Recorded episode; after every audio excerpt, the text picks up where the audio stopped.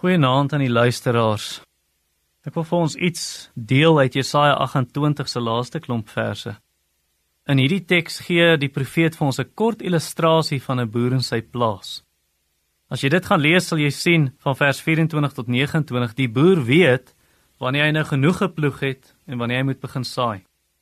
Hy weet ook dat kruie soos swart komyn en komyn en graansoorte soos koring en gars en speld op verskillende tye, plekke en maniere geplant moet word. Hy weet jy dors nie swart komyn met 'n slee nie. En hy weet ook dat 'n mens nie die waalwiel oor gewone komyn moet ry nie. Moet dit eerder met 'n stok uitslaan. Hy kan graansoorte soos koring fynmaal, maar nie komyn en swart komyn nie. En selfs die koring wat dan fyn gemaal word, die perde wa moenie aanhoudend daaroor ry sodat dit te fyn gemaal word nie. Jesaja se illustrasie wys eintlik vir ons hoe beproewing werk. Die Here laat nie die beproewing langer duur as wat nodig is nie. As die tyd reg is, dan sal die beproewing ophou en jy sal so suiwer goud uitkom en die Here gaan jou weer optel. Moenie sê die Here maal my te fyn, die beproewing is te swaar, dit duur te lank. Die Here weet hoe om met jou te werk. Hy onthou, jy's van stof gemaak. Die Here gaan ons nie vernietig nie. Die Here weet sy kinders het elkeen ook verskillende beproewings nodig, net soos wat die boer weet met hierdie gesaaides werk hy ander as met die ander gesaaides. So die Here weet byvoorbeeld hierdie gelowige Hy kan 'n siekbed verduur, maar hy weet 'n ander een gaan dit nie kan dra nie. Of hierdie een, hy gaan skerp kritiek kan vat of intense versoeking kan deurstaan of klaarkom met te min geld. God is wys.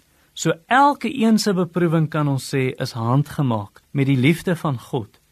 God is die boer wat jou plant en wat jou oes en is ook hy wat ons fynmaal. Job het dit gesê.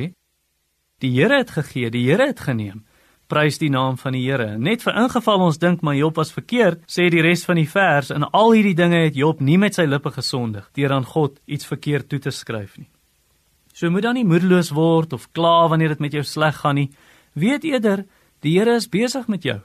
Toe ek deur 'n moeilike tyd gaan, 'n baie swaar tyd, toe sê 'n ouer predikant vir my, God is obviously up to something good. Die Here geniet dit nie om ons deur beproewing te neem nie. Maar hy doen dit want hy wil goeie dinge in ons lewens voortbring.